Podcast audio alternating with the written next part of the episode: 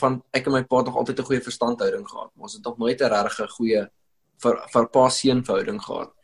Um en hy sê nie maar altyd 'n goeie verstandhouding gehad. En um toe en ek het altyd bekering gekom was seker al 4 3 4 3 en 'n half jaar 4 jaar gered gewees. Toe sê ek vir hom eendag, "Hoorie kom braai bietjie by my."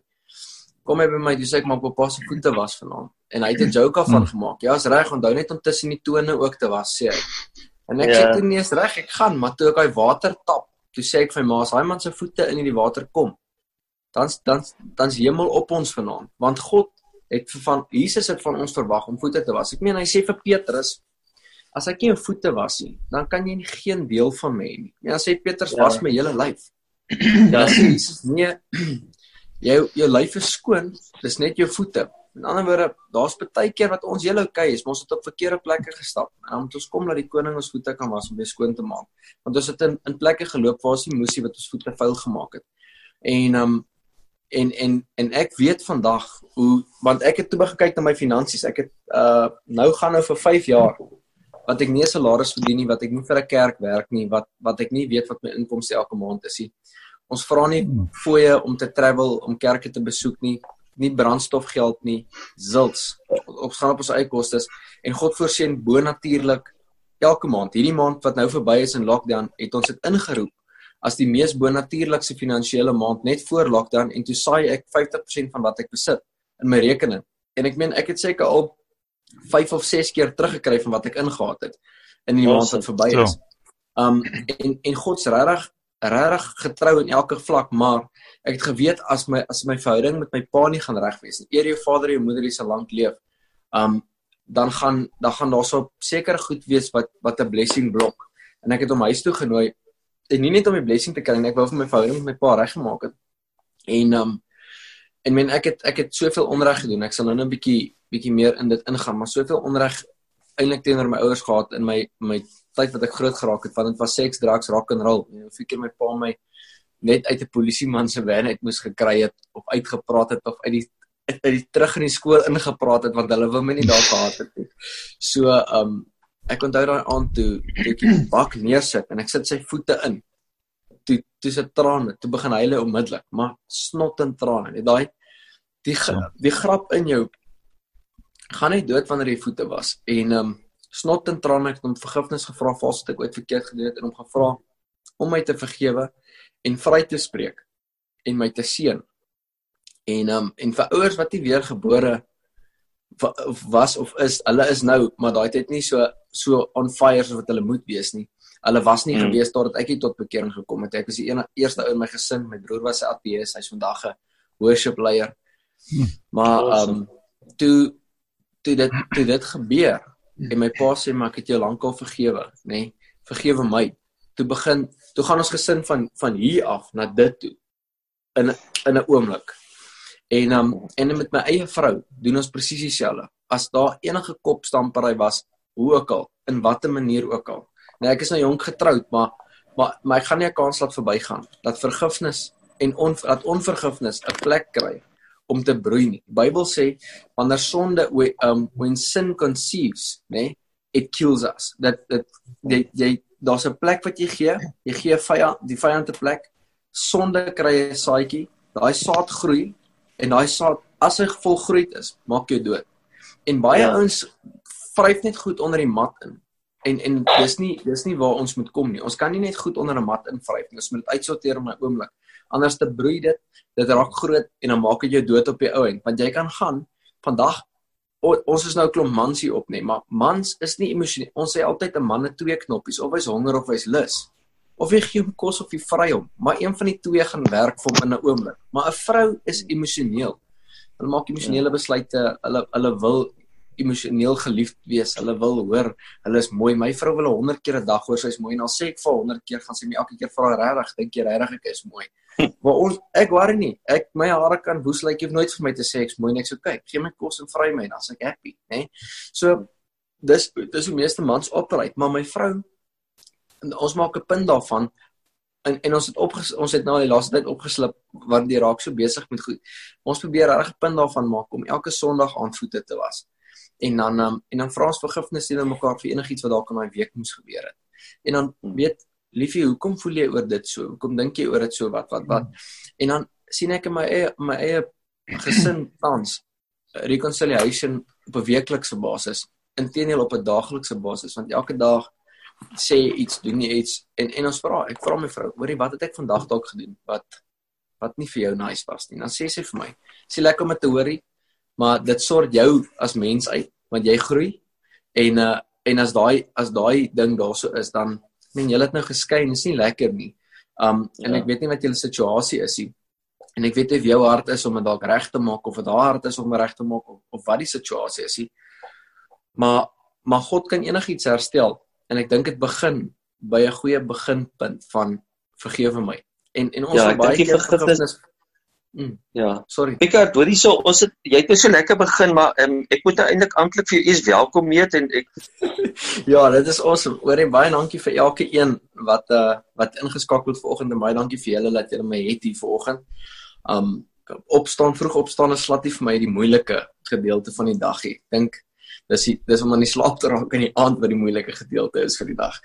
Maar weet ek daar's 'n daar's 'n ding wat in my hart broei in die laaste tyd van kyk lockdown het 'n uitwerking op almal se lewens, 'n persoonlike uitwerking op elke persoon se lewe in hierdie tyd en um en ja, ons het met 'n bang weggespring. Ek dink uh, ons as ons klomp mans hierso is uh, as ek altyd in mans praat, baie keer die ouens ek is 'n evangelis. Ons sê altyd jy gee nie vir 'n evangelis 'n mic nie, want die evangelis hoor nie wat hy sê nie en hy het ook nie tyd daar's nie 'n beperking op sy tyd nie. As die pastoor vir jou sê 2 minute, dan vat jy klaar 5 want jy moet baie praat en jy het baie om te sê. Um en en ons is glad ook nie skaam om te om te sê wat ons wat op ons harte is nie ongeag hoe dit uitkom nie. Partykeer is dit 'n regte shocker vir baie ouens. Um maar partykeer is dit goed en is iets wat wat ek moes aanleer oor in in my kort tydjie wat ek by die Here is is om dit wat jy oordra al is dit partykeer hard om te hoor maar om dit so te kan oordra dat mense kan verstaan en, en veral as ek met mans werk praat ons hart en regheid oor dit want daar sekerre goed wat ons nie in die kerk gaan hoor nie wat ons eintlik in die kerk moet hoor sodat ons kan vorentoe gaan en kan groei. Um en ek is een van daai ouens wat môre broers en susters kom ons staan gou by mekaar en dan buig ons ons hoofde in een van daai hoe ook al dit gaan wees nie ons is regheid en en reël en rou want want dis waar groei is. As ek na die woord van God kyk, dan loop dit nie met ons draadjies nie. Dit praat regheid met jou. Dit besny jou hart. Dit laat jou groei. Um so ek ek het een keer toe sit ek by 'n ou en ek wil gou die storie vertel en gaan ek na my na my boodskap toe van vanoggend. Maar ek sit een keer by ou bel my uit 'n groot besigheid. Um en hy sê toe vir my maar daar's iemand by sy besigheid wat hier 'n baie baie moeilike tyd gaan met sy huwelik en en sy en sy finansies en sy alles wat saam met dit gaan. En ek sê nie eens reg ek sal kom en met hom kom gesels en ek kom na hom as 'n oom en die oom was in 'n ongeluk gewees en sy gewrig is gebreek en sy heup het uh, probleme in sy rugwervels en ek weet maar issues dis is daai lifetime subscription to issues. Dis dis net issue op issue op issue op issue. En en hy's al by sy derde vrou en ek sê vir hom later sê ek, "Oom, maar hoe bid jy? Hoe baie bid jy in tale?" Hy sê, "Nee, hy gaan nie so diep met die Here nie." Sê hy, "Ek sê maar hoekom nie?" Nee sê hy, hy gaan nie so diep. Ek sê maar okay, maar Efesiërs 5 vanaf vers 21 af.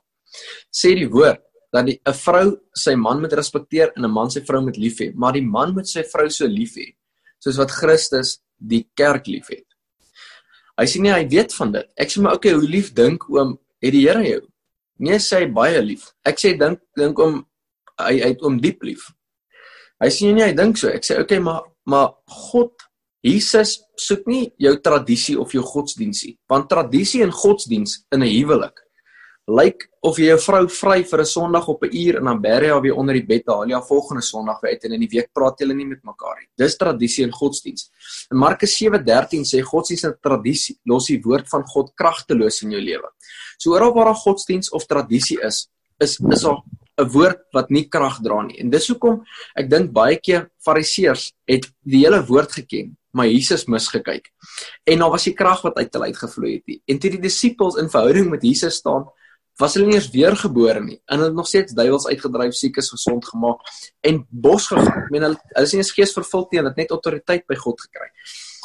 En en hy sit daar so ek sê vir hom, so ek wil net eintlik het ek net een vraag in oom se huwelik. As oom oom se vrou vry, gaan oom diep of soen oom aan net op die voorkop en dan gaan slaap oom. Jesus maar sy oor raak so groot Hy sit so terug. Ek sê antwoord my. Hy sê nee, hy gaan diep. Ek sê nou dan moet jy diep begin gaan met Jesus. Want baie ouens verstaan daai ding nie mis en as jy praat van vry seks en geld in die kerk, dan dan weet ouens nie waar moet hulle sit nie. Hulle boude begin juk en hulle voete begin brand en hulle hande begin sweet. Maar dis wat die kerk voel dit vir my die meeste nodig het, is seks en geld. Want mans vry nie meer hulle vrouens nie en hulle kla die hele tyd oor die geld. En is en God het 'n voorbereiding daarvoor gemaak vir ons almal. Ek meen as jy in die woord gaan kyk nie, van Genesis tot in Openbaring, is al meer as 2134 skrif vir finansiële voorspoed vir die een wat glo. En baie ouens wil dit nie glo nie. Hulle dink dadelik nee prosperity gospel, maar die gospel is prosperous. Jy gaan van verlore na gevind, jy gaan van blind na sien, jy gaan van sondaar na seun, jy gaan van donker na lig. Dit gaan net vorentoe. Met God kan jy nie agtertoe nie. Jy kan net vorentoe gaan. Daar's nie een ou wat ek al ooit ontmoet het wat Jesus werklik ontmoet het wat klaar enigiets nie. En nog nooit 'n ou ontmoet wat werklik God ontmoet het wat vandag sê nee maar hy sukkel. Jy kry daai professionele skimpers Weet as jy hom vra hoe gaan dit met jou? Nee broer, het ek vertrou maar die Here mos nou vir petrol geld. En dan voel jy so sleg, jy maak maar sy kar vol. En dan sê, "O Heer, dankie dat jy die Here se stem vir my hoog gehoor het, boetie." En dan jy, dis 'n professionele skimpers, baie van hulle in die kerk, nê. Nee. Um en sê jy kry daai ouens, maar maar daar's 'n plek wat jy regtig kan inkom, wat jy God so ken. Ek meen in die Passion Translation sê iets baie mooi in Lukas 16:9 sê daarso use the wealth of this world to demonstrate friendship with God.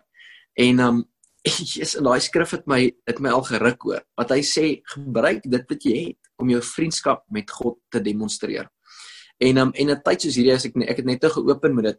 In 'n tyd soos hierdie van 'n uh, lockdown en en besighede is toe ensovoorts en ons sien die hongersnood in die land. Ons sien ag ons sien al die goed wat in die gang is via media en in al daai goed, maar ons het ons was in 'n posisie gewees wat ons wat ek met in 50% weggesaai het, finansiëel gesaai het in verskillende ministries in en goed wat nou wat nou aktief is.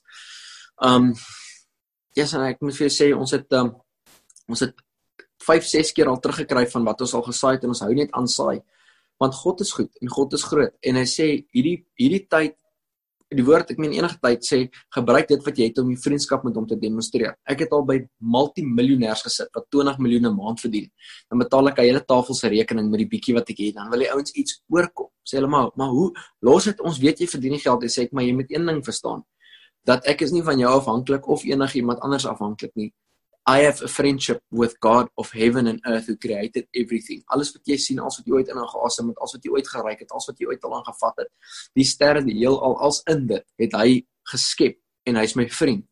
En om daai rede kan ek jou rekening betaal vanaand, want ek het gepartner met die God van hemel en aarde en omdat ek met hom gepartner het, kan ek eintlik maar net doen wat ek wat ek wil in sy wil, nie in my eie wil en in my eie krag nie. So ja, ons het 'n uh, eh, ons is ons is baie bevoorreg om in 'n posisie te kan wees dink dank my vrou sê nou dag dankbaarheid is seker een van die grootste goed waarna ons nou moet wees bo enigiets anders.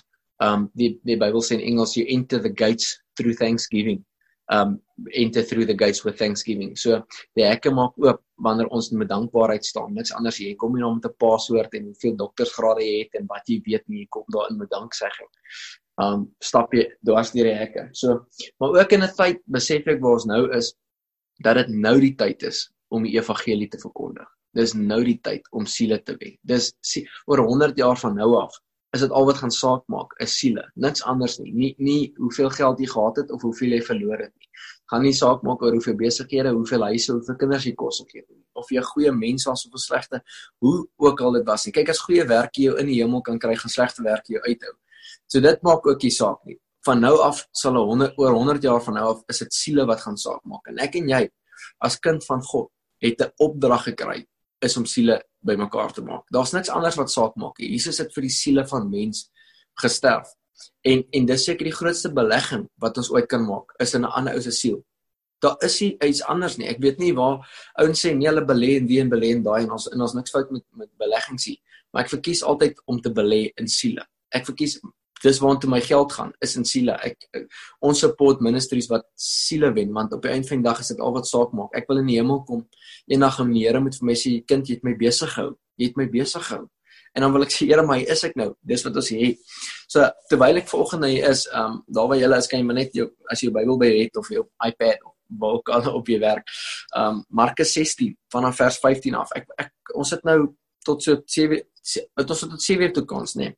Um so ek wil graag so 'n bietjie net aan dit vat en en aan geloof vat, want geloof Hebreërs 11:6 sê hy geloof sonder dit is dit onmoontlik om God te behaag of te plesier. Jy sonder geloof kan jy niks doen nie. Sê na Romeine 14:23 toe gaan sê hy as jy enigiets buite geloof doen, dan sondig jy. Want want in geloof doen jy dit deur hom. Dit ons gaan ek wil nou nog gaan dit vat. Geloof is is 'n baie baie groot ding. En nou ons sê hulle het geloof. Lukas 18:8 sê gaan die seun van die mens op die aarde kom en nog geloof vind hierso. Want glo ons regtig. In 'n tyd soos hierdie waarin ons nou is, is daar so um groot ongeloof wat reg oor die aarde is.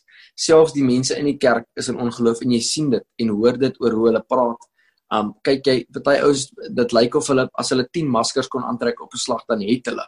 Ons loop sonder maskers rond, nie nie omdat ons stupid is nie. Ons glo net God. Um ek kyk na na John G Lake laat 1800s vroeg 1900s toe daai plaag um wat was daai plaag se naam gewees? Ek ken nie wat daai plaas naam was nie.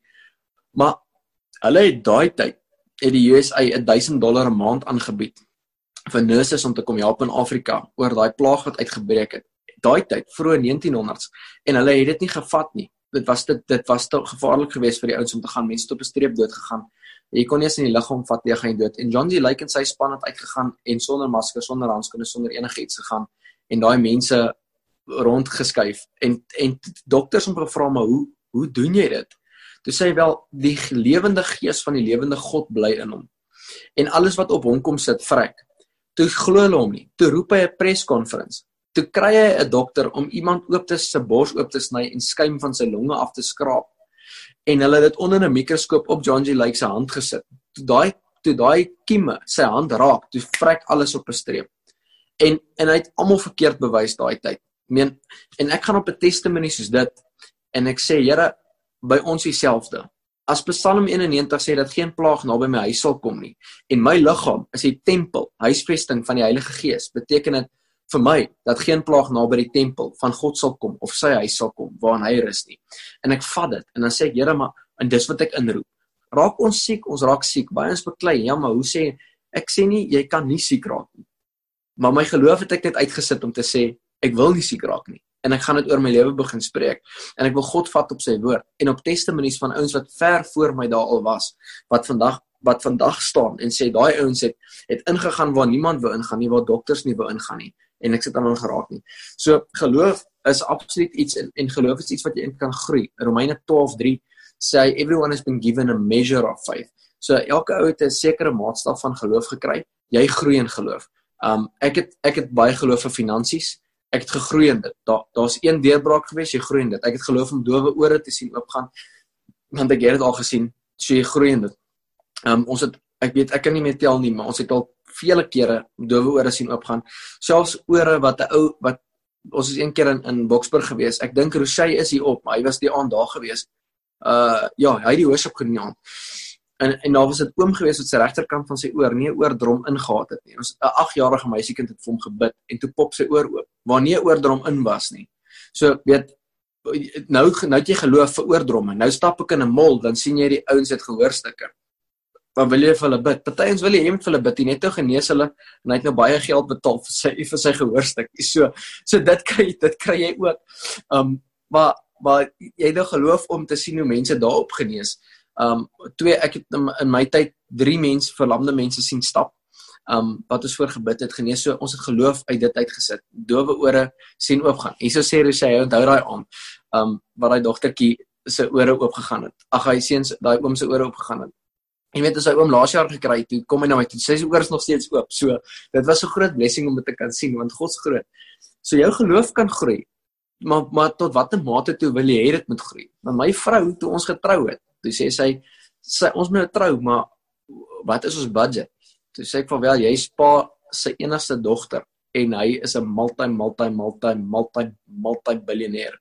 So as jou pa multibiljoenêr is, wat is jou budget vir 'n troue? Toe sê sy nee, jy het nie een nie. Toe sê ek net toe gaan ons groot. Ons gaan groot. En toe gaan ons groot met ons troue en God het in elke area voorsien bo-natuurlik. My honeymoon 'n week voor my troue, toe het ek R500 in my rekening. Toe sê ek, Here, my rekening sê vir my as ek daar by Midas afslag kry op 'n twee man tent kan ek en my vrou kamp net buitekant Appington.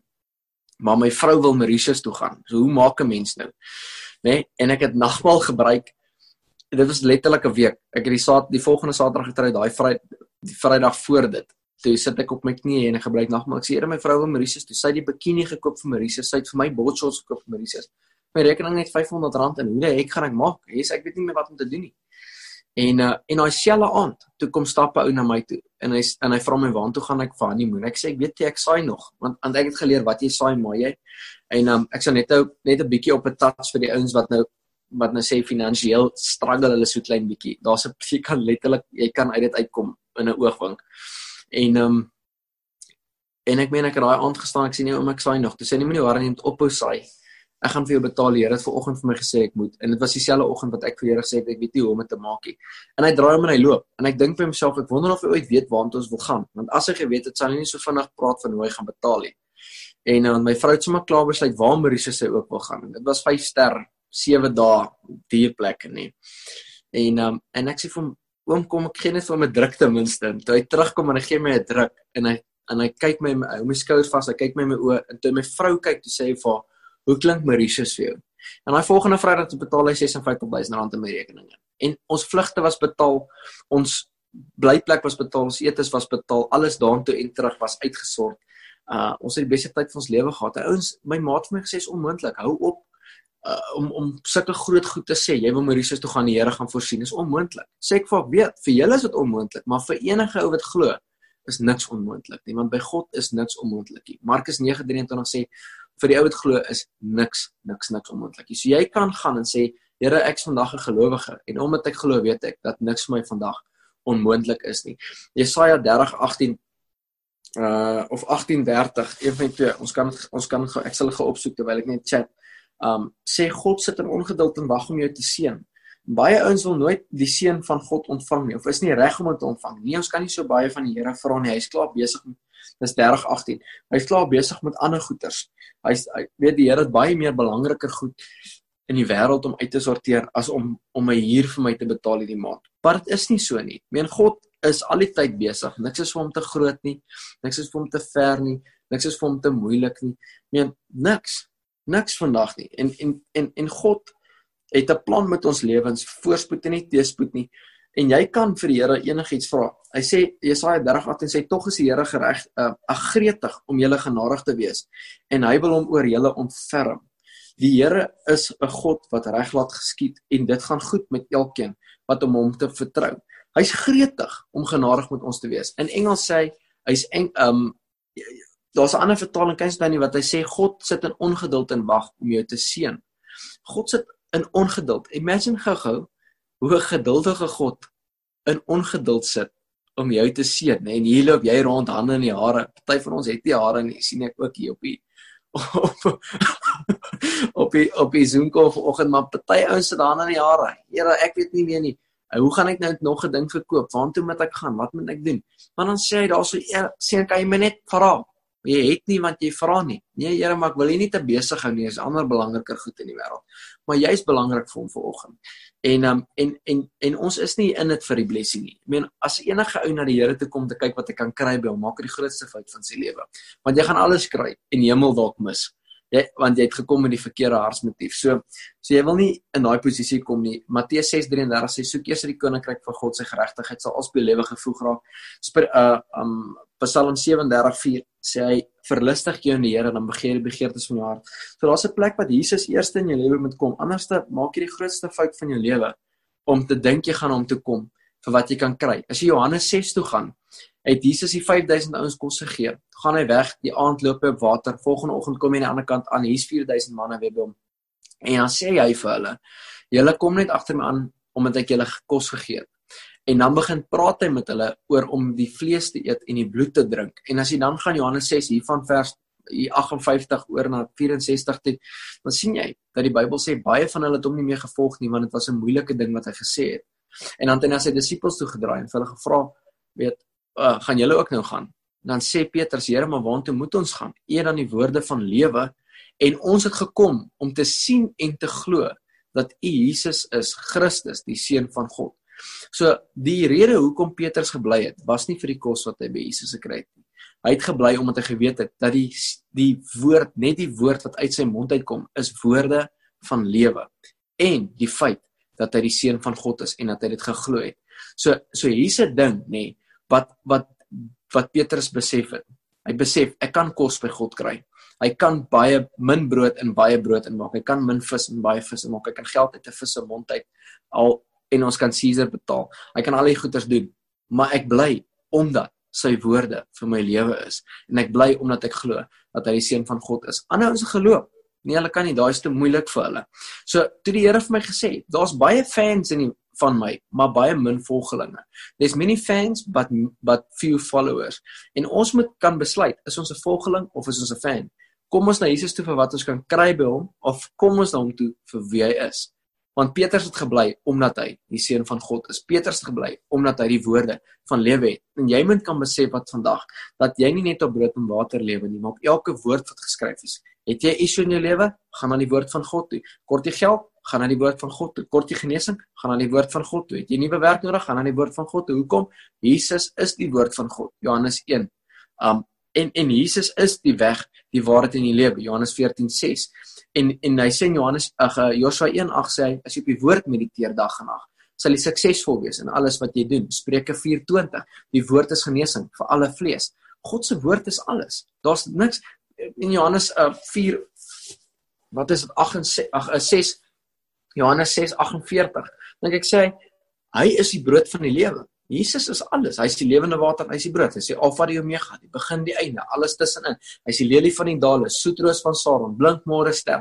Hy's alles. Hy's die raadsman, vrede voor, sterke God, ewige Vader. Hy's alles vir ons. En as hy nie voor hy nie alles raak nie, sal alles wat jy het niks raak. Weet dit sal dit sal tot niet gaan. Die Bybel sê ons kan niks sonder hom doen nie. En en die en die feit hiervan is ons kan baie goed sonder hom doen. Maar alles wat ons sonder hom doen, beteken niks wanneer ons voor hom gaan staan nie. Want ons het dit sonder hom gedoen. Ons het ons eie krag dit dit vermag. Ons het ons eie krag dit gedoen. Dis hoekom hy sê, hoekom ek ervaar dat ja, ja, Romeine 14:6 sê hy ag 14:23 eh, sê as jy enigiets buite geloof doen sondig jy.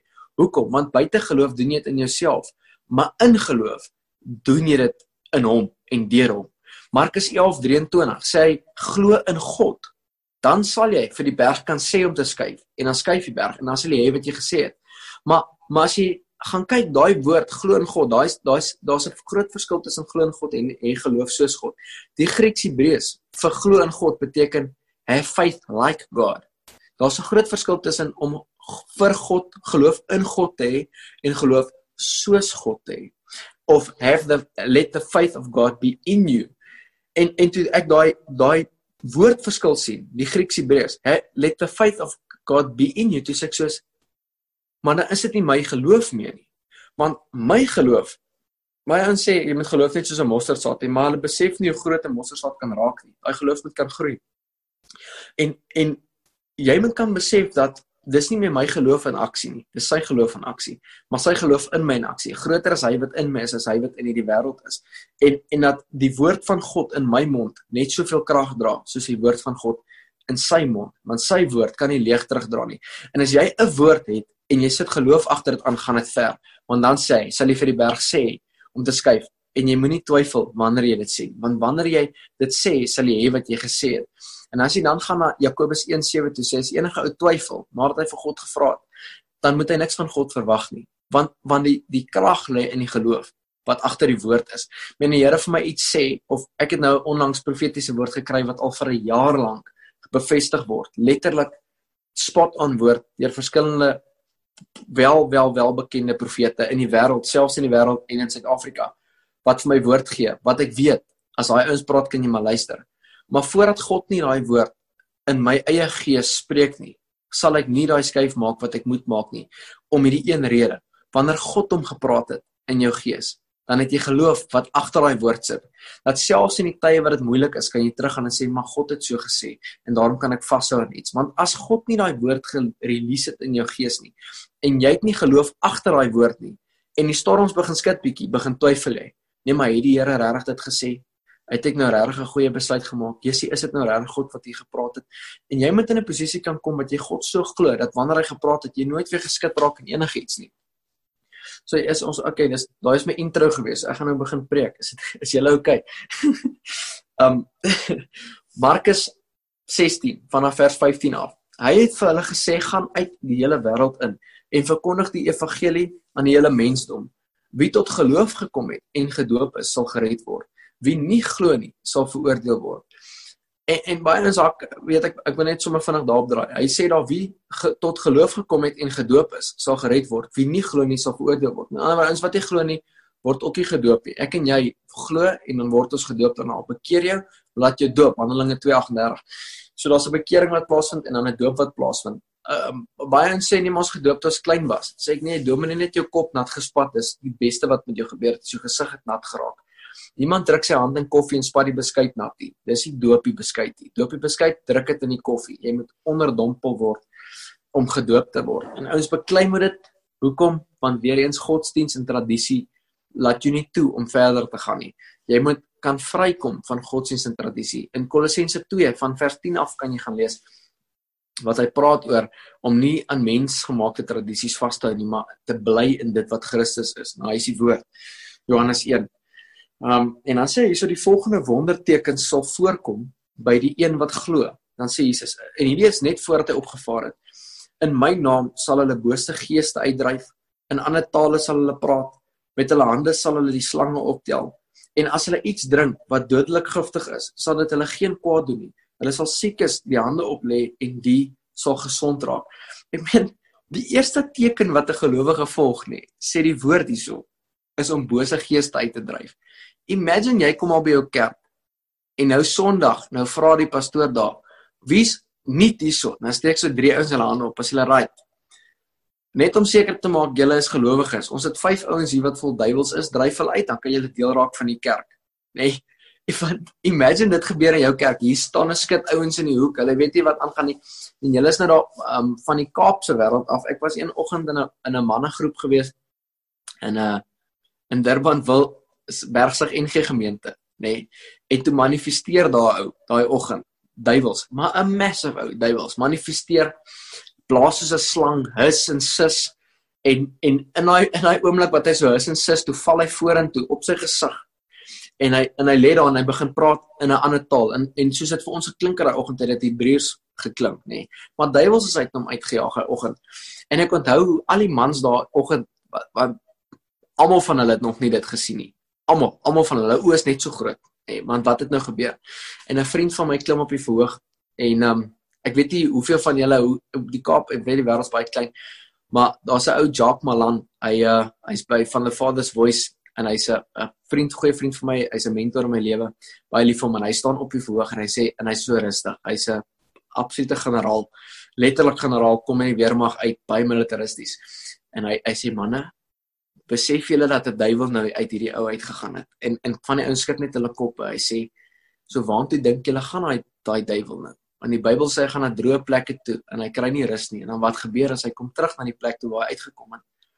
En dan ehm um, en dan kom hy met sewe ander ouens terug. En en hy sien van die ouens se koppe skud so en hy sê toe: "So as jy sonde in jou lewe het, is dit nou 'n goeie tyd om dit uit te kry." Daai hele groep daai oggend gee hulle lewens maar weer vir die Here terug, hè.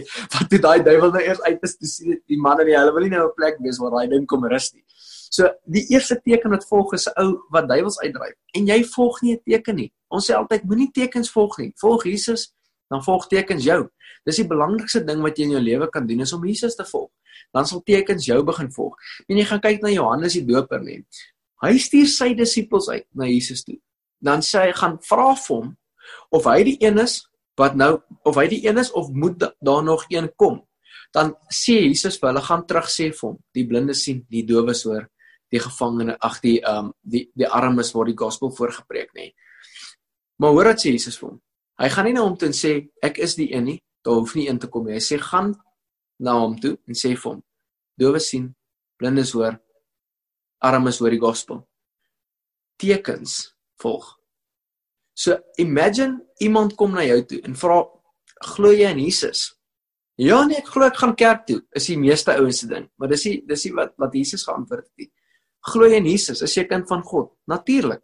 Blindes sien, dowes hoor, krippeles hoor, die armes kry die gospel. Dis wat ons antwoord eintlik moet wees. Ek is gelowige en omdat ek glo volg tekens my. En check wat sê die woord hier naby en sê nee, daar's daar's nou wat met my redeneer en vir my e-mail stuur en vir my sê, "Maar hoe kan ek sê dat wonders en tekens nog volg? Dit het gesterf by die apostels." Dis 'n bog storie. Ek sien dit in my lewe. Ek ek het nie groot geraak met dit nie, nie in 'n kerk groot geraak nie. Wonders en tekens volg jy wat glo en omdat ek glo, doen jy. 2 Korintiërs 4:13 sê, "Wat jy glo, praat jy. Omdat jy glo, praat jy." So, omdat jy glo, doen jy. Jy glo en omdat jy glo doen jy en wat jy glo gaan jy doen. Glo jy dat Jesus vir die wêreld gesterf het natuurlik. Glo die wêreld dit? Nee, nog nie. Wat het Jesus vir jou gesê? Gaan uit verkondig die evangelie. Nêrens in die hele stuk sê hy, hoor die die, die intercessors sit julle bietjie links, julle ouens is julle julle kan net bid nie. Hy sê nie kan nie kan die evangeliste, julle praat anyway so baie, gaan julle uit en gaan verkondig die evangelie nie. Julle profete, hoor hierso, gaan julle nee, hy sê gaan julle uit. Vir wie het hy dit gesê? Vir die disippels. Vir die disippels het hy dit gesê. Is ek en jy disipel vanoggend? Natuurlik. Hy sê vir ons gaan uit, verkondig die evangelie. Jy het nie nodig om te swat daarvoor nie. Hy het 'n visserman gevat wat sy hande stink en en jy weet nie waar hy hande eers was voordat hy gaan visvang het en na te gaan visvang het hy en wat in sy gedagtes aangegaan het hy en hoe kwaad hulle was en hoe baie ek mens gaan Kaapstad, julle wat in die Kaap is gaan hawe toe, gaan check bietjie opryte visserman. Jesus sê ek gaan vat daai ou en ek gaan van hom 'n visser van mense maak. Ek meen ek het een keer ingestap by 'n spot in Sweras, toe loop ek reguit daarson na die visvang afdeling toe. staan en maak ek of ek niks weet nie, want ek weet nie veel nie. En die vrou kom nou uit en vra wat soek jy? Ek sê ek fok soek aas. Sy sê wat se aas soek jy? Ek sê aas om mense te vang. Sy sê maar sy verstaan nie nou. Ek sê fok se visser van mense en ek wil aas hê om mense te vang. Sy sê nee, sy dink jy hulle van dit nie. Ek sê vir ek het. Jesus is dieply for you. En ek begin die gospel met haar deel. Want ek moes ons weet ek lê party aan wakker en dink aan wat ek volgende gaan sê om iemand te kry net om met my te chat nie sonder dat hulle wegloop. En en ek het al gesien dat geld 'n ou laat stil staan. So baie keer in 'n mall dan betaal ek die ou voor my se se trolley. Dan dan dit dit dit voel vir hom dan dis sy plig om nie te loop nie. So hy luister maar wat ek vir hom sê en dan sê ek maar die gospel met hom want ek het mos sy kos betaal. Nee, so hy loop net maar nêrens nie, maar hy voel te sleg om te loop ek het dan sy kos betaal. So ek dink ons dink al aan redes en en um en maniere hoe om die gospel uit te kry. Want Jesus het gesê gaan vermondig dit aan almal aan almal. En dan sê hy die tekens gaan hulle volg en ons het net tekens doen en dan vers 19 sê hy nadat die Here Jesus het vir hulle gesê is hy in die hemel opgeneem en hy het aan die regterhand van God gaan sit. En hoor gou jy awesome is dit. Hulle het toe die evangelie oral gaan verkondig. Nie in die kerkie nie net in huise nie oral. Wat beteken oral? Oral beteken oral. Oral is wanneer jy gaan petrol ingooi, verkondig jy die evangelie. Wanneer jy gaan kos koop, verkondig jy die evangelie. Wanneer jy in die kerk sit, verkondig jy vir die evangelie. Ek het al in kerk gesit dan begin ek die gospel met mense langs my deel. Raak hulle ongemaklik. Maar sit in die kerk, raak hulle ongemaklik. Sê ek met ons is hier om Jesus groot te maak vandag, nê? En dan hulle raak ongemaklik. Hoekom? Want ons nog te veel tradisie, ons nog nooit werklik weergebore nie. En uh, dan sê hy en die Here het met hulle almal saamgewerk en die prediking deur die wondertekens ou die prediking bekragtig deur die wondertekens wat daarop gevolg het. In Engels sê hy that he will um hy sê dit kom daar ag Jesus nou dinge Engelse woord heel my verlaat. Engels sê kom daarop neer dat um he will confirm the word through signs and wonders. God sal sy wonders en tekens bevestig ag sy woord bevestig deur wonders en tekens. So jy preek die woord en God sal daai woord bevestig deur wonders en tekens. Selfs met ons vanoggend hier op, sal ons net nou kyk wie het knieprobleme, enkelprobleme, rugprobleme, enige siektes, siekteprobleme. En en ons gaan God vertrou vir jou liggaam vanoggend om te genees. Ons gaan God vertrou vir jou finansies om te herstel. Ons gaan God vertrou dat jy jou vrou weer kan vry vir oggend. Net sê uitstap, die vrou word wakker. Sy sê liefie is die mooiste ding wat ek met my geestelike pa altyd gesê, sy vrou is die lekkerste speelding wat die Here hom ooit gegee het, nê. Nee. En ek sê dit vir my vrou, jy's liefie is die lekkerste speelding wat die Here my ooit gegee het. Dan raak sy sommer opgewonde, regtig. Sê ek ja, dis die lekkerste ding. Ek het nog my lewe nog nooit so lekker speelding soos jy gehad het. En my vrou raak excited oor dit. So jy kan vir oggend moet in 'n posisie kan kom wat jy jou vrou se bout kan knyp. My ek nou eendag vir my pa gesê toe sê ek my nee, hy te oud, hy vry nie meer nie. Sê ek van wanneer van wanneer af is jy te oud om te vry? I mean imagine jy het nie meer tande in jou mond jy lekker vry jy dan. Maar dan wil baie mense wil nie sê ja, hulle is nie in daai level nie. So weet daar moet 'n posisie kom in jou lewe wat jy wat jy kan vat wat jy in, in God se oorvloed voorspoed voorsiening vrede vreugde genesing oral in alle tye kan wees Maar die eerste opdrag wat jy ooit by Jesus gekry het en en en jy hoef niks te doen om God se aandag te kry nie. Jy hoef niks vir hom te doen nie. Al lees jy nooit in jou lewe weer Bybel nie, al bid jy nooit weer nie, maar jy glo vas dat hy die seun van God is en jy lewe in 'n lewe wat wat wat nie sondig is nie, nê. Nee. Is hy nog steeds lief vir jou? Hy's nie kwaad vir jou nie. Hy haat jou nie. Hy hy skop jou nie net uit nie. Niks van daai goed nie. Hy is nog steeds lief vir jou. Meen, ek kyk na straatouens. Hoeveel van hulle het Bybels vandag? Maar ek het al gesit tussen hulle. Dan sê hulle vir my: "Ek weet vandag as God nie bestaan nie, sal ek nie geëet het nie. Ek's diep lief vir die Here." Dan bid hulle 'n kragtige gebed, 'n vurige gebed, maar hy het nie eens 'n Bybel nie. Nou wie gaan daai ou uit die hemel uithou? Niemand kan hom uithou nie, want Jesus het alles klaar betaal, volprys aan die kruis gesit.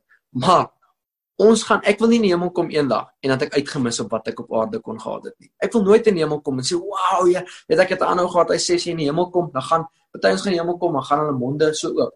Dan kyk hulle. En dan 'n miljoen jaar van daar af staan nog steeds so. Want is te groot. God, so groot is God. Nou kom jy in die hemel, nee, jy het dit net net gemaak. Ek wil nie een van daai ouens wees wat dit net net gemaak het nie.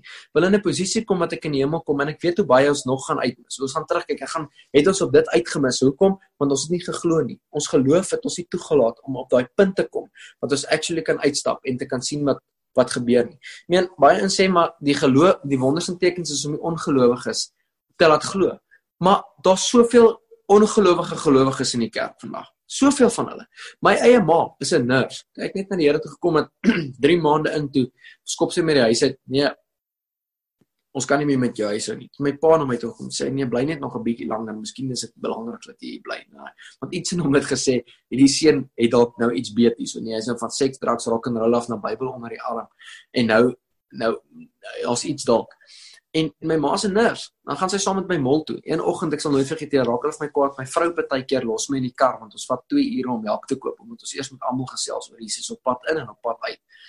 En uh my my vrou los my in die kar. Maar daai een oggend sê my ma vir my dat ek nog nie 'n kar gehad het. My eerste 2 jaar van bediening het ek nie 'n kar gehad nie, bus gery en lifts gevat om by die volgende dorp te kom en God vertrou vir 'n voertuig. En uh vandag ry ek die kar van my drome wat die Here vir my gegee het wat ek al 3 ry nou amper 3 jaar daai kar betaal hom nog nie 1 maand. Dis elke maand laat weet ouens my dis hulle het vir my die Here gehoor en my kar betaal of was net bo natuurlik geld meer ek. Maar ek kon nou daai oggend my ma vir my sê, "Oor ek gaan mall toe wil jy saam." Ek sê ja. Sy sê, "Oké, okay, ek gaan jou aflaai." 'n 10 uur by die mall. Dan gaan ek huis toe kom en kom doen ek my make-up. En dan 11 uur kom ek mall toe. 12 uur is ons uit. Jy het 2 ure om vir almal te bid maar 11 uur is uit daai plek uit.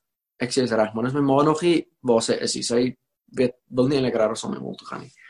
Soos ek ure loop rond bid vir almal, lyk as jy 'n kruk het, dan lyk dit weet ek men jy het nie nodig vir die Here om vir jou te sê kyk, daai ou het 'n knie probleem of 'n heup probleem as hulle met krikke rondloop. Jy het nie nodig jy het oë gekry, jy hulle het 'n issue en daar's 'n Jesus wat 'n prys nie 'n Jesus nie. Jesus het 'n prys betaal vir daai issue. En jy het nie nodig om te hoor bid vir hulle nie. Want baie van ons wil hê die Heilige Gees moet sê, "Hallo, dis die Jesus Janie, dis die Heilige Gees." Wil jy nie gou net vir daai een in die rolstoel gaan bid nie? Jesus Helgard, dis die Heilige Gees hierso. Wil jy nie kyk hy ou krikke? Nee, partykeer voel dit vir my Heilige Gees jy kyk kyk kyk kyk kyk kyk, dan kan ek nie meer wegkyk jy gebid ek maar. Vir hulle baie keer gebeur niks, maar baie keer gebeur alles. En ons wou nie bid nie, want net toe gebeur niks en dit lyk ons sleg.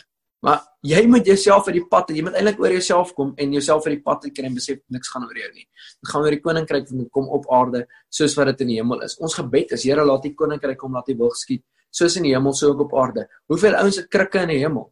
Hoeveel ouens ry al met rolstoele rond met goeie met goue rims? Of hoeveel ouens sit daar met depressie? Of hoeveel arme ouens bedel? In die hemel. Dit is nie so nie. Wat is te kort vandag in die hemel? In Psalm 23, Jesus is jou herder, jy sal niks kort kom nie. Wat wat is te kort vandag in die hemel? Niks nie. En jy moet kan glo dat dit vir jou is, want jy's 'n erfgenaam van hemel. Jy's 'n erf, as jy enige iemand aan Christus behoort, is jy erfgenaam van Abraham, Isak en Jakob. Hulle was skatryk goud, vee en silwer. Maar jy's 'n erfgenaam van wat hemel beskikbaar het vir jou vandag. Het jy al dit gevat? Glo jy dat dit joune is? Want dis waar die verskil gaan lê. Ek meen ek het daai oggend ingestap, vir almal gebid kry my ma by die deur. Toe ons by Spar instap, toe loop ek en my ma in en links van my 'n tannie, 'n kleerling tannie en haar dogter en daai tannie het 'n kruk en ek en ek het net nie gehoor nie. Ek net gesê tannie, wat's fout met die kruk? Nee, sê sy sy was in die ongeluk. Vra net mense "Jo, dit lyk dan seer." Dan hoor jy begin kla hulle. Nee, ek was mos in 'n ongeluk gewees. En toe het ek mos nou my knie seer gemaak en dan begin kla ouens. Dit is nie eens nodig om by die Here te hoor nie. Hulle sê sommer klaar vir jou wat die issue is. En en in daai oomblik toe sê ek, "Maar kan ek vir Tannie bid?" En sy sê, "Is reg." En ons staan in die deur van Spark bid vir Nere genees haar net daar. Sy gee haar kruk vir haar dogter. Sy begin lig haar knie op en begin dans. En my ma het op afstand staan kyk want sy wou nie by my staan toe ek vir bid nie. En toe ek terugstap na toe en ek en sy en ek kom by haar en ek sê niks nie. Ek ek het net ophou preek in my huis en net begin leef dat hulle kan sien. Want jy sien daar's 'n plek waar waar Petrus uit die boot uit klim en op water begin stap. En die Bybel sê, toe Petrus en Jesus terug in die boot is, het die wat in die boot was, Jesus by sy voete neergeval om aanbid en gesê, sekerlik moet u die seun van God wees. Hulle het nie hom aanbid omdat Jesus op water gestap het nie. Hulle het hom aanbid omdat Petrus op water gestap het.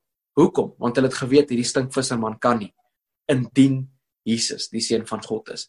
En baie keer moet ek en jy uit die boot uit klim in 'n absolute waterstap sodat die wat nog in die boot sit kan gaan. Eerlikheid, Helgat kan dit mos nie doen nie. Koenraad kan dit mos nie doen nie. Esje kan dit mos nie doen nie. Dit is onmoontlik dat Kali dit kan doen of Henk dit kan doen tensy Jesus die seun van God is. En en ek en jy moet in 'n posisie kan kom wat ouens na ons kyk en sê dit is onmoontlik dat daai ou dit kan doen. Jesus moet die seun van God in sy lewe wees. Ek stap na my ma toe daai oggend en en in my instap sê ek vir okay, is reg, ons kan maar stap. En sy was bietjie, jy kan sien ongemaklik want in haar kop wat nurse is, gaan dit jy jy moet onder jy kan dit kan nie net wees nie. En later toe vra sy vir my, maar hoe doen jy dit? Sê ek vir ek weet nie. Bybel sê ek my hand op siekes lê, dan sal genees. En dis al wat ek doen. Ek lê my hand op 'n sieke en ek en ek vertrou God vir genesing om plaas te vind. Ge, sien ek baie keer genesing? Nee. Maar God sê Jesaja 55:11 dat die woord wat jy uitstuur sal sy doel verrig waarvoor dit uitgestuur het en dit sal nie leeg terugkeer nie.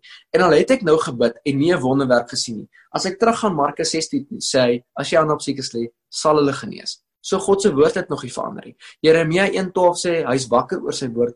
Hy staan gereed om dit te volbring. God se woord is lewendig en aktief, skerper as enige tweesnydende swaard. En God is nie 'n mens wat hy lieg nie. Numeri 23:19. Ek is nie 'n mens wat ek lieg nie. So as God nie lieg nie en sy woord is waar, dan beteken dit al sien ek nie nou die genesing nie, erns moet dit plaasvind, want sy woord is waar. En 'n ou het eendag vir my gesê of God genees of God verlos, maar God bly goed. Een van die twee gaan gebeur. Erns gaan jy genees of in hierdie lewe of in die lewe daarna, maar God genees. En hy's vandag nog steeds 'n wonderwerkende God. Baie ons glo dit nie. En as jy dit nie glo nie, is okay.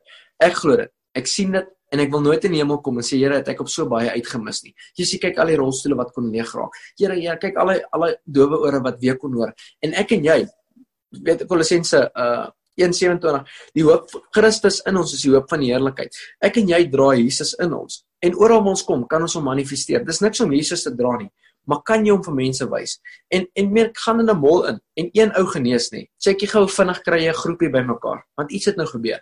Dan's daar groep. Hoeveel keer ek al in 'n mol gestaan het, dan dan het ek vir een ou gebid genees hy. Onmiddellik is daar 2, dan 3, dan 4, maar nou begin ek met een ou praat die gospel en ander ons hoor dit en soos enigiets nê, 'n lig, as jy 'n lig buite kan sit, trek jy klomp goggas. Jy's lig in die wêreld. En wanneer jy gaan begin skyn, gaan 'n klomp goggas na jou toe kom, want hulle het hierdie lig nodig. Hulle wil by die lig sit. En as jy gaan begin skyn en begin praat en begin deel, dan stuur jy daai lig in die wêreld in en daai lig breek deur donkerte. En ewe skielik 2 Korintiërs 4:4 sê dat die god van die wêreld die gedagtes verblind van die wat verlore gaan. Dis hy die lig van die evangelie op hulle begin skyn. Wanneer jy begin evangelie deel gaan die lig van dit op hulle gedagtes skyn. Hulle oë gaan oop en sien hulle Jesus vir wie hy is en nie vir wat die wêreld hom gemaak het nie. Want ons en ek het al by Swaziland ingestap by 'n sangoma in. Ek wou by haar kom toe sê ek die 11de in haar oë the missionary that came wat van Jesus kom praat en ek vir sy wil met, haar oor Jesus praat toe sê sy wat sê Jesus? Hier was al baie gewees. Sê ek net die een wat leef. En so waar gebid en haar voete was so krom haar tone was krom. Sy kon omtrent nie stap nie. Sy het gesê as sy trap voel dit of haar penne dwars deur haar voete steek elke keer as sy trap.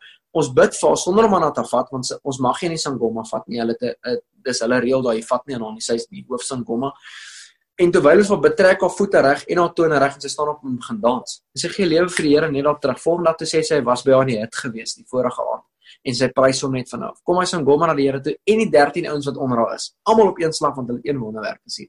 So daar's baie Jesusse in die wêreld, maar wanneer jy Jesus begin verteenwoordig en mense om in jou kan sien, verander die game. Want ewe skielik sien hulle. Maar die wêreld sê seeing is believing. Maar God sê wanneer jy glo sal ek jou wys.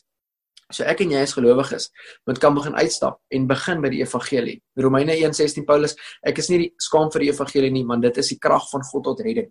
So wanneer ons die evangelie begin preek, dan we release the power of God unto salvation. Enige plek. Ek meen ek kom by 'n mall in, dan moet jy betaal, dan tel ek al klaar die tille. 1 2 3 4 5 te tel, dis waar ek staan. As ek al voorkom sê ek kyk ek die name tag sê ek, "Pragtig. Uh Chantel, is dit jy?" Wat nou meneer? Sê ek, is dit jy? Hier by Checkers, Chantel van Checkers. Nou hoe nou meneer? Sê ek, is jy by die 5de til? Dan tel ek 1 2 3 4. Ja, 5de til. Nee meneer, wat gaan nou aan? Sê ek nee, ek het vanoggend met 'n ou gepraat wat so lief is vir jou. Hy kan nie ophou dink aan jou nie. Dan sê hulle, nee, is nie waar nie. Sê ek, ek het reg, ek bedoel nie praat met ou. Hy kan nie ophou dink aan jou nie. Hy sê heeldag dink aan jou, die hele dag. Meer as wat daar saam in die wêreld is, is sy gedagtes oor jou lewe en is net goeie goeders.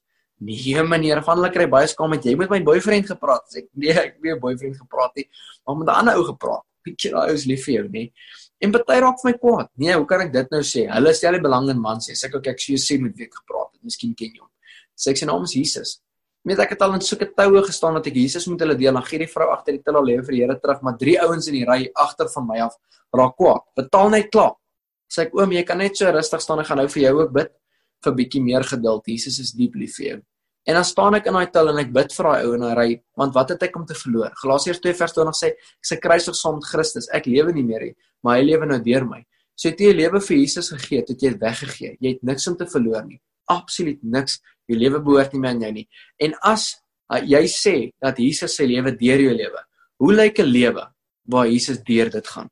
Hoe lyk dit? Want 1 Johannes 2:16 sê hy dat as enige iemand aan Christus behoort of beweer hy behoort aan Christus of is in Christus, behoort hy te wandel soos Jesus gewandel het. So hoe het Jesus gewandel?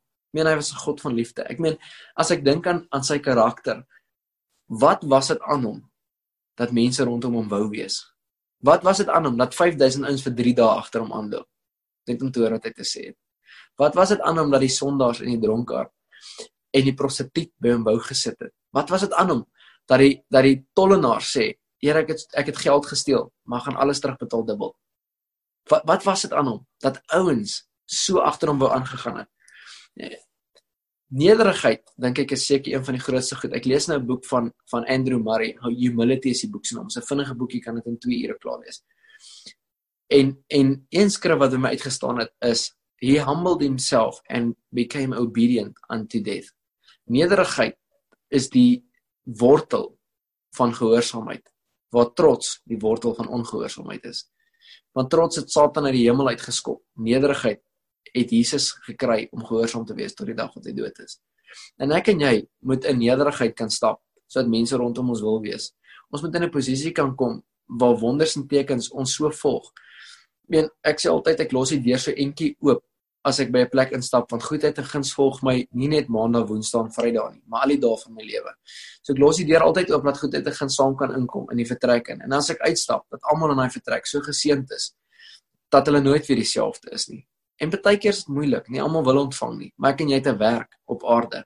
Dis om die evangelie te verkondig. Toe die lockdown kom, toe maak ek 'n broadcast op my WhatsApp van oor die die bietjie nommer wat ek het van oor die 400 mense in my eie dorp Um en ek sit almal in dit in en ek het onmiddellike boodskap uitgestuur. Is jy reg om die koning van alle konings te ontmoet? Het jy al jou lewe met Jesus reggemaak? En as jy nie het nie, stuur my 'n boodskap. Ek bid saam met jou. En dit was 'n maklike ding om net vir die ouens in jou eie huis dorp uit te stuur. Vir jou eie familie is die moeilikste plek om Jesus te preek. En dis hoekom ek dink daar's so gesegde preek die gospel as dit nodig is. Gebruik woorde. Ek is nie 'n groot fan van daai gesegde nie, maar soms in jou familie is dit die beste plek om te kan kom want Jesus het nooit gesê preek die gospel en as dit nodig is gebruik woord nie. Nee, hy het gesê gaan en preek die evangelie aan almal. So maar daar's 'n plek in jou gesin wat jy die gospel so moet preek wat mense uit jou lewe uit kan sien dat Jesus koning is en dat hulle eintlik by sy voete gaan neerval en sê Here ons weet U is die seun van God. Want is onmoontlik vir Picard om te doen wat hy doen as U nie leef nie. Dis onmoontlik vir die mense se is dit onmoontlik. Um my ma as hulle so 'n bietjie in ongeloof begin kom, as ek vir ma wat het die Here al al reeds in my lewe gedoen wat julle nie glo nie. Dan raak hulle stil, sê hulle, "Jesus. Ja, ons weet hy kan, want ons het dit al gesien." So jy moet in 'n posisie kan kom vir oggend om te kan sê Here, wat kan ek vir oggend doen en hoe kan ek die evangelie verkondig? Hoeveel nommers het jy op jou foon met jy weer ouens ken Jesus nie? En wat jy bereid om neer te lê sodat hulle Jesus kan ken? Want want jy het niks, jy het 'n boodskap wat jy kan sê Jesus is lief vir jou. Ons sê maar kan nie die gospel se preek nie. Nee, ek ken nie die Bybel so goed nie. Jy het ook nie nodig nie. Openbaring 12:11 sê jy wen deur die, die woord van jou getuienis, die bloed van die lam jy jou lewe nie liefhet tot die dag wat jy doodgaan nie. Handelinge 4:20 sê hy Petrus en Johannes, ons praat net oor die goed wat ons al gesien en al gehoor het. So ek en jy het almal 'n storie. Ons elkeen het 'n getuienis en ons almal het al iets gesien of al iets gehoor.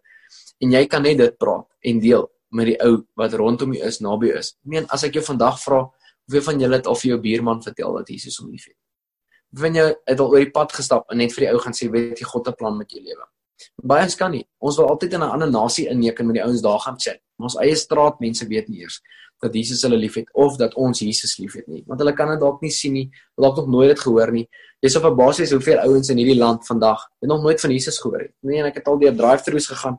Dan dan sê ouens, vertel ek hulle van Jesus sê hulle nooit wie is Jesus? Sê weet jy nie wie Jesus is nie? Nee, nooit van hom gehoor nie. Deur 'n McDonald's drive-thru 10 uur in die aand dan wonder ek hoeveel Christene het al al deurgegaan. Niemand daai persoon van Jesus vertel nie. Want ek en jy het 'n werk om te doen en dis om Jesus te vertel. So ons nog 3 minute oor. Ek wil gevinnig net um, afsluit met uh finansies. Soos ek nou van nou moet sê, dis seker 'n ding as ek vra wie van julle wil julle lewe vir Jesus gee, dan kom maar 10 ouens vorentoe. Maar as ek sê wie van julle kan ek voorbid vir finans finansiële voorspoed, staan die hele kerk op te trappel mekaar dood op pad vorentoe want almal geld nodig, nê. Finansie finansies en geld is baie keer 'n vloekwoord in die kerk vir baie ouens, maar almal het dit nodig. En ek het myself uit armoede uitgesaai in 'n jaar se tyd. So om julle as ek kom ek gaan gou 'n vergelyking vat. 2017 tot 2018 vergelyking het ek 100 000 rand ingekry vir die hele jaar. Ek verdien nie 'n salaris nie. Ek kry nie geld by kerke nie. Niemand betaal my vir vir vir niks nie. En ons soek dit ook nie want geen mens uh, Jeremia 17 uh 5 sê vervloek is die een wat op die mens op die arm van die vlees staat maak. Ons maak nie op mense staat nie, ons maak op God staat. En um en in in vergelyking kom ons sê 'n 100 000 rand die jaar gehad. En ek het aan die einde van die jaar gegaan toe sê ek vir die Here, ek kan nie so aangaan nie. Um ons moet traveling hospitaal. Ek wil mense kan kan help, ander mense kan help. Ek het nie ek, moet my kar betaal. Ek moet al die goed moet betaal word en ons kry net net genoeg en om net net alles te dek. Hoe gaan ek ooit kan 'n vrou kry en 'n gesin onderhou ensovoorts? En die Here begin praat met my oor oor saai en maai. Galasiërs 6:7. Wat jy saai, sal jy maai. Maleagi 3 sê hy as jy 'n volle tiende gee, sal die vensters van die hemel oopgaan en jy sal weet te min plek hê. Spreuke 3:9 sê as jy jou eerste vrugte gee, sal jy nie genoeg plek hê in jou stoorhuis van wat God vir jou wil gee nie. Um en en so het die Here met my begin werk oor finansies en ek het begin saai. So 17 2017 tot 2018 100 000 rand 2018 se begin, toe begin saai ek met purpose. Ek het altyd gesaai, maar hierdie keer begin saai ek toe met doel. Hy sê wat jy saai, sal jy maai. En ek het my saak begin naam noem. En ek het en hy sê in, in Maleagi 3 sê toets my nie, dis enigste plek wat jy God kan toets in. So ek gaan toe en ek toets hom en ek dink kom ek gaan groot en ek noem my saak 10000 rand 'n dag. Dis wat ek kom noem. God mos nou is mos nou groot en hy het gesê ek kan hom toets. Ek gaan hom nou toets. En ek het vir 6 maande gesaai en my reference op my um EFTs was 10 10k a day, 10000 rand 'n dag. En 6 maande later toe vra ek Here, Here, maar ek saai nou en daar kom niks geld in nie. Hoe werk dit dan nou? Toe sê hy vir my, "Ons het pekanete plan. Wag 5 tot 7 jaar, maar as hulle dan oes oes hulle elke jaar. Hou aan saai en ek hou toe aan saai. En 'n tyd daarna toe breek daar geld los en vir 2 weke niks minder as 10000 rand 'n dag se EFTs gekry nie. Niksie. Skry niks minder as nie. En en toe dit gebeur, dink ek, nee, eers jy maar as klein geld so so baie saad inbring, dan gaan ek nou groot begin saai. En toe ek groter begin saai. In Spreuke 11:30 sê hy, "The fruit of a righteous is a tree of life, but he who wins souls is wise." Toe ek begin ministry soek wat op 'n daaglikse basis siele wen. En ek het by daai ouens begin insaai. Hoekom? Want jou saad stel 'n ander in staat om siele te wen waar jy nooit kan uitkom nie. En dit was my belegging geweest en dit was my oortuiging geweest. Jy het 'n oortuiging in jou kerk, jy het 'n oortuiging in jou small group, jy het 'n oortuiging die ouens wat hierdie goed is hou, dis dis jou plek wat jy dalk voel jy wil saai. Dis jou stoorhuis, dis waar jy kos kry, dis waar jou saad ingaan. En um en jy moet by die Here self voor. Johannes 6 uh dink 16 13 13 16 16 13 sê die die gees van God sal jou alle waarheid wys en jou in alle waarheid lei. En toe ek begin saai in my finansiële jaar in vergelyking sê my eerste jaar was 100 000 rand geweest. My jaar wat ek begin saai het, 2018 tot 2019, 350 000. So ek het met 3.5 gemaal in daai tyd. En vandag kry ek kan nie vir jou sê as ek vir partykeer moet sê wat deur my rekening gaan sal die berug val. Maar maar God is getrou, God is goed. En hierdie maand wat nou verby was, Maart maand wat nou verby was, was die beste finansiële maand wat ek seker nog in 6 maande gehad het en niks gebeur. Ons is nie uit nie, nie bedien nie, ons niks nie. Want 'n ou my uit Texas uitgebel 2 weke terug op 'n Facebook call. Nee, hy hy het nou op ons goed aggekom, waar kan hy geld sê? Toe pos hy ou vir my 1000 dollar. Toe ek op R19.2 sent toe ek uit cash teen rand teenoor 'n dollar net. Cash ek R18000 uit na die bank als gevat het. En dis een van vele ouens wat in hierdie lockdown net gebel het van random plekke af of 'n e-mail gestuur het of hoe ook al dit uitgekom het en voorsien het. Ek praat met 'n appel vir my nou eendag. Um hy's in uit 'n besigheid begin 2 jaar terug. Uit in hierdie maand wat als toe was, die grootste omset gehad in 2 jaar aan sy besigheid. Wat wat hy nog ooit in sy lewe gehad het, nê. Ek het gister aand so sit ek op Facebook wat het die Here al vir jou gedoen in tyd nie. Jy kan gaan kyk op my Facebook page in in hierdie lockdown tyd, nê. En die getuienis wat ingekom het van mense se voorsiening en hoe ouens gesaai het in hierdie tyd. Ander vrou nou dag R20 gesaai kry sy net 'n EFT van 'n random plek af R2000 in haar rekening in. Want God se woord is waar. En hy gaan nie verander nie, hy het nie verander nie. So ek het 'n pel gehad wat my een keer gebel het. Hy's 'n property developer in Bloemfontein, 35 jaar oud. Bel my eendag snot in trane. Hy sukkel finansiëel. Hy het nou geld op leen by die bank net om sy salaris te betaal. Hoe gaan hy nou maak? En uh, ek moet vir hom bid. Dis ek, gaan nie vir jou bid vir jou finansies nie. Is jou tieners op datum. Want daar's 'n groot krag agter jou tieners. Ek meen God verdien eintlik jou 100% maar hy sê jy kan my net 10 gee, minimum 10%. En baie ons wil nie dit gee nie. Nee, dit kan nie 10% gee nie. Ek sal 10% gee as ek 2 miljoen rand 'n maand verdien. Maar as jy nie eers 10% kan gee wanneer jy 200 rand 'n maand verdien nie, hoe gaan jy 10% gee as jy 2 miljoen rand 'n maand verdien? Want want as jy nie 20 rand kan skryf, hoe gaan jy 2 miljoen, hoe gaan jy 200 000 rand skryf? En um, en ek sê vir hom net so jy met jou 10 is op datum kry. En hy het daai aand gegaan en hy het 100 en ek sal dit nooit vergeet, hy het 103 000 rand sy rekening gehad. En dit is geld wat hy geleen het sodat hy sy salarisse kan betaal. En hy gaan vat 10300 rand van dit. Hy hy deel dit in 3 op. Hy saai 1/3 na sy kerk toe, hy saai 1/3 na sy pa se kerk toe en die ander derde na ons ministerie toe gesaai, nê. Nee. Daai volgende oggend 7uur, toe bel hy my wakker, toe 'n ou van Europa 'n biljoen rand in sy besigheid belê. Cash. Niks stories rondom dit biljoen rand, hier is dit, daar gaan jy vorentoe. Daar is 35 jaar oud, het oornag 'n biljoenêr geraak en dit het, het nie daar gestop nie. Hy's besig om in Suid-Afrika en in Europa. Goed, ek weet nie dit nou lyk nie, maar daai tyd het hy in Suid-Afrika en in Europa begin um property development gedoen van een saad wat hy gesaai het en hy het nooit ophou saai daarna nie. So so ek wil jou vandag aanmoedig. As jou tieners nie op datum is nie, kry dit tot datum en van nou af saai met 'n doel. En as jy in jou hart voel jy wil nie saai nie, moenie saai nie. Bybel sê God loves a cheerful giver. Moenie moenie net omdat moenie dit 'n godsdienstige ding maak. Nee, ek gaan nou net weet ek saai om te kry, saai om wat nie. Dit moet 'n leefstyl vir jou raak. So by so dat wanneer jy gaan uit eet, jy dit wat jou kos gekos het vir die waiters ook kan gee. As ons uit eet en ons kos kos R500, tip ons baie keer R500. Nou die waiter is so groot, sy skrik so groot, sy kan nie glo iemand gee vir geld nie. Bid vir die waiters. Later het die waiters jou in die kombuis bid vir die hele kombuis. Later het jy die hele staff membership van van waar ook al jy geëet het gebekeer en as jy weer daar kom, is jy eintlik so opgewonde om jou daar te. Jy kry verniet roomhuisie aan as jy daar eet. Maar God is goed, God is groot, God is almagtig en God wil jou uit 'n finansiële posisie uithaal waar jy sukkel want God wil nooit gehad dat jy moet sukkel van die begin af nie. Kan jy jou geloof uitsit na buitekant om hom te vertrou dat hy 'n goeie plan met jou lewe het? Kan jy glo dat God goed is? Kan jy glo dat God jou liefhet? Kan jy glo dat God 'n plan met jou lewe het? Kan jy glo dat God jou vorentoe wil vat en nie agtertoe wil vat nie? En kan jy geloof uitsit daarvoor? Hebreërs 11:1 is wat is geloof? Is die vaste vertroue dat die onsigbare goed waaragtig is. Dat dit wat jy nie uit die hoop het en dit wat jy nie kan sien nie. En sonder geloof is dit onmoontlik om God te behaag. Jy kyk na die vrou met die bloedvloei. Sy het aan Jesus gevat en toe sy hom vat in geloof. Want check gou hier, die Bybel sê dat Jesus die woord is, Johannes 1:1. Hy is die woord, in die begin was die woord, woord was met God, woord het vlees geraak en hy het onder ons kom woon. Johannes uh, um, 1 uh, 1:14. Hy het onder ons kom woon. So Jesus was die woord van God in vlees. Maar met die vrou van die bloedvloei, sê die Bybel daar was 'n crowd rondom haar gewees en sy het deur die crowd gedruk om by hom uit te kom. En vir 12 jaar het sy alles in haar eie krag gedoen om te kyk kan sy genees van van haar issue af. Maar toe Jesus kom, toe gaan vat sy aan hom. En net om aan hom te vat, sê die Bybel dat hy's gestop en krag het hom verlaat en toe het hy die disippels gevra wie het aan my gevat? En hulle sê maar Here, almal vat aan jou. Maar hier is die verskil. Baie ouens vat aan die woord net om aan hom te vat. Maar baie ander ouens vat aan die woord vir wie hy is en omdat hulle glo en in geloof. So as hierdie vrou met die bloedvloei gekom het en in geloof aan hom gevat het, het sy 'n wonderwerk ontvang. Jy moet kan gaan en aan die woord kan vat, dit lees, dit glo, dit praat, dit doen. Want eers wanneer jy dit gaan doen in geloof, sal wonders en tekens jou begin volg.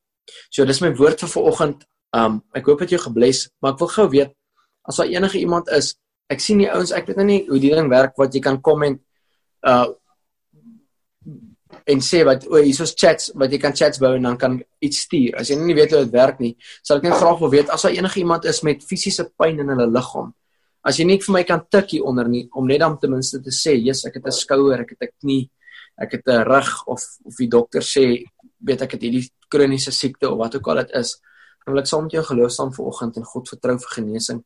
Um ons het ons het in die laaste tyd oor live feeds gesien hoe mense genees, bene teruggroei, maar nie bene was nie um regtig net ongelooflike miracles gesien. So as jy ver oggend dalk het sê asseblief vir my uh na bid ons gou gesom. Egard. Yes. My ehm um, my ma was in 'n verskriklike groot motorfietsongeluk gewees verlede jaar waar sy haar been verloor het en eintlik tegnies yes. gespreek moes sy moes sy eintlik doodverklaar gewees het. Sy het letterlik by die oh. dood omgedraai waar God net in haar lewe ingegryp het en uh, waar die dokters gesukkel het om haar om haar vitals stable te kry ons daai aand vir die soos in daar en dan ingetree in gebed ja. en, terwyl ons besig was om vir haar te bid yes. kom die WhatsApp deur om te sê hulle het haar hulle haar vitals gestabilise gekry oh. en nog nie een keer 'n setback gekry van dit ehm um, oh. van dit ons vir haar gebid het nie maar sy sy kom sy het bietjie kom kuier van die Kaap af uh hierso by ons en ehm um, ek gaan nie foon vir haar gee want ek weet sy sy sy sukkel nog met redelike paar goeters binne haar liggaam yes. wat wat obviously nog besig is om te herstel. Haar hand is so nog nie lekker kan beweeg nie. Yes. En ehm um, en ek weet ek het al menigte keer al gesien hoe hoe God ehm um, jou gebruik in terme van genesings ja. foon vir haar gee. Ek kan sou net met jou praat en net vir jou sê ehm um, yeah. waar sy waar sy pyn en kwaal het. Alright, so hier is die yes. foon. Ou gegaan. Mamma Pika. Môre tannie. Hallo. tannie, dit is so awesome om vir tannie te ontmoet. Ek weet met die hele journey um het ek saam ons het saam gebid toe Roshey dit begin opsit het op Facebook en op WhatsApp. Um en al die groepe het ons het ons so saam begin bid. So ons is altyd al die pad saam met julle in geloof gewees vir dit. En um en vir oggend kom ons vertrou die Here vir volkomme volkomme genesing. So, tannie kan net aan sy hand daar sit wat aan die Here vir, vir genesing vertrou. Ons gaan hom vir die hele liggaam vertrou, maar kom ons vir daai spesifieke area. Father, we just thank you in Jesus mighty name this morning, God, for complete wholeness and healing in the body. Lord, we come in faith and complete faith. Here die woord sê wat toe het meer um Matteus 18:19 saamstem. So sal dit wees. En vanoggend, Here, verklaar ons volkomme genesing oor daai liggaam in Jesus naam. Enige plekie waar pyn of seer is, om nou te gaan in Jesus naam, van die kop tot by die sole van die voete, volkomme genesing, kroontjie tot toontjie in Jesus naam. Here, as dankie dat ons kanselleer elke negatiewe woord wat 'n dokter ooit oor haar uitgeskryf het of gespreek het in Jesus naam. Nou kanselleer ons dit. Ons bind dit Matteus 18:18 18, wat gebind is op aarde is gebind in die hemel. Matteus 16:19 sleutels van die koninkryk vir ons gegee, Here, en ek dank U vir oggend dat ons kan in die hemel instap en die sleutels van die koninkryk wat ons reeds het, gebruik, Here, en ons woord release dat genesing beskikbaar is en dankie dat U 'n groot God van genesing is, dat U geneesheer is en dat U lief vir ons is, 'n prys vir ons betaal het Here, dat U nooit ver van ons af is. U arm is nooit te kort om te red nie, en U oor is nooit te doof om te hoor nie. En vanoggend dankie ons vir volkomme genesing in Jesus naam. Amen. Amen. Baie awesome. dankie. Awesome. Dis dankie Pieter. Pieter, dan gaan jy vir ons afsluit. Dankie man. Sluit gaaf. Here baie dankie vir die awesome voorreg wat ons vanoggend gehad het om om net u woord te kan hoor. Here, ek bid dat elke saad wat uitgegaan het op goeie grond val, ehm um, dat dit groot oeste sal opbring. Here, die saad van die woord wat uitgegaan het vanoggend, uh dat dit 'n that it bring a conviction on our hearts, Lord. Uh, not to sit back and watch, Lord, but to actually do and get our hands dirty. Father, we thank you for the Great Commission. We thank you that we can be a part of it, Lord. And please help us to be bold and confident to walk in complete faith in your faith, not our faith, Lord. um, that we can walk in it, Lord, and see people get saved, set free, and delivered, Lord, and healed in Jesus' name. So, Father, I just thank you right now for everyone uh, on here. Here ek het gesien, um hierso is uh, nog mense wat gevra het gebed. Uh vir Anne Marie skoonsis um wat in Bloemfontein bly. Here, ons bind net kanker in Jesus naam. Ons kanselleer dit en ons gooi dit uit. En ons dankie vir oggend vir 'n awesome, awesome, awesome tyd wat ons het um om te kan om te kan uh, bymekaar kom om te kan bid om te kan woord hoor en te weet dat U nog steeds 'n groot geneesheer is om te weet dat U 'n groot God is om te weet dat U nog steeds in 'n posisie is waar U genees. Ouens sê Here as dit U wil is genees ons. Ons weet as U wil want Jesus was die perfekte beeld van die perfekte God. You were the the perfect image of the of the perfect God. You were the invisible image of the visible God. En Here het net Jesus het net gedoen wat u wil gehad het hy moes doen en hy het mense genees. Ons weet is in die wil om mense te genees en vanoggend bid ek Here vir volkomme genesing en Anne Marie se liggaam. Dat kanker sal gaan, dit geen plek het in haar liggaam nie want u het reeds daarvoor betaal in Jesus naam. Here ek dankie vir 'n skouer om nou te genees. Rian se skouer, linker skouer, volkomme genesing in Jesus naam. Volkomme genesing in Jesus naam. Daar is nuwe skouer, alle pyn uit in Jesus' name. Lord, we thank you for a brand new rotator cuff in Jesus' name, and also God, I thank you um, for for um, complete hundred percent movement in the shoulder without any pain. In Jesus' name, I thank you. Here, ek dank U vir finansiële deurbrake in elkeen se besigheid, in elkeen se persoonlike lewe, um, en in elke gesin. Here, ek bid dat die saad wat hulle saai, as hulle nog nie gesaai het nie, dis einde van die maand dat hulle nou 'n saad sal saai um in geloof en daar waar dit saai dat dit goeie grond sal wees en ek bid dat daai saad honderdvoudige oeste sal opbring in elke persoon se lewe ook. En elke saad wat al reeds gesaai is dat daai saad wat oor tyd gesaai is wat nog nie opgekom het nie nou sal opkom Here. Groot vrug en groot oes sal dra. Here en ek dank U net nou vir um uh, Rian hulle wat hierdie Zoom call hou elke Vrydagoggend. Ek bid van nou af dat elke Vrydag wat hulle wel op 'n Zoom call is 'n vrugbare Vrydagoggend sal wees. Dat geloof so geroer sal wees dat mense ongeskik sal rondloop.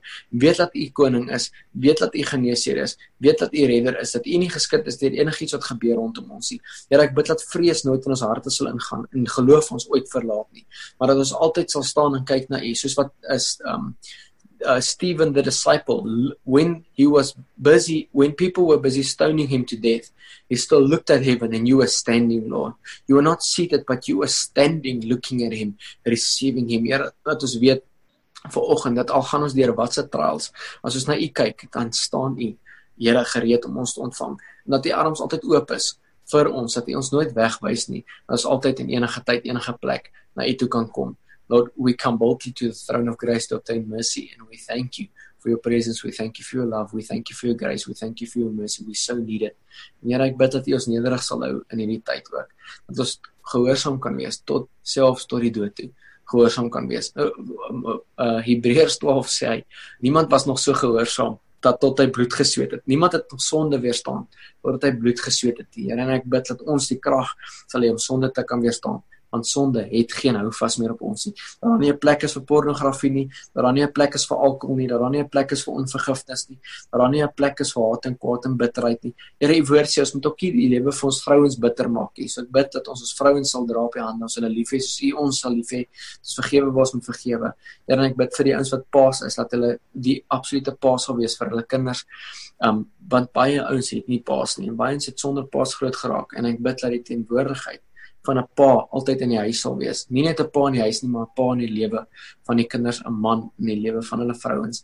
En ek bid Here dat herstel sal kom waaraan nie waaraan nie tans nou vrede is nie. Because you've given us the ministry of reconciliation. Lord, I thank you that you've given us that ministry. That not the ministry of condemnation that Moses had, but the ministry of reconciliation through your blood. We thank you for reconciliation in families, in households, and in marriages. In Jesus' name I pray this. Amen.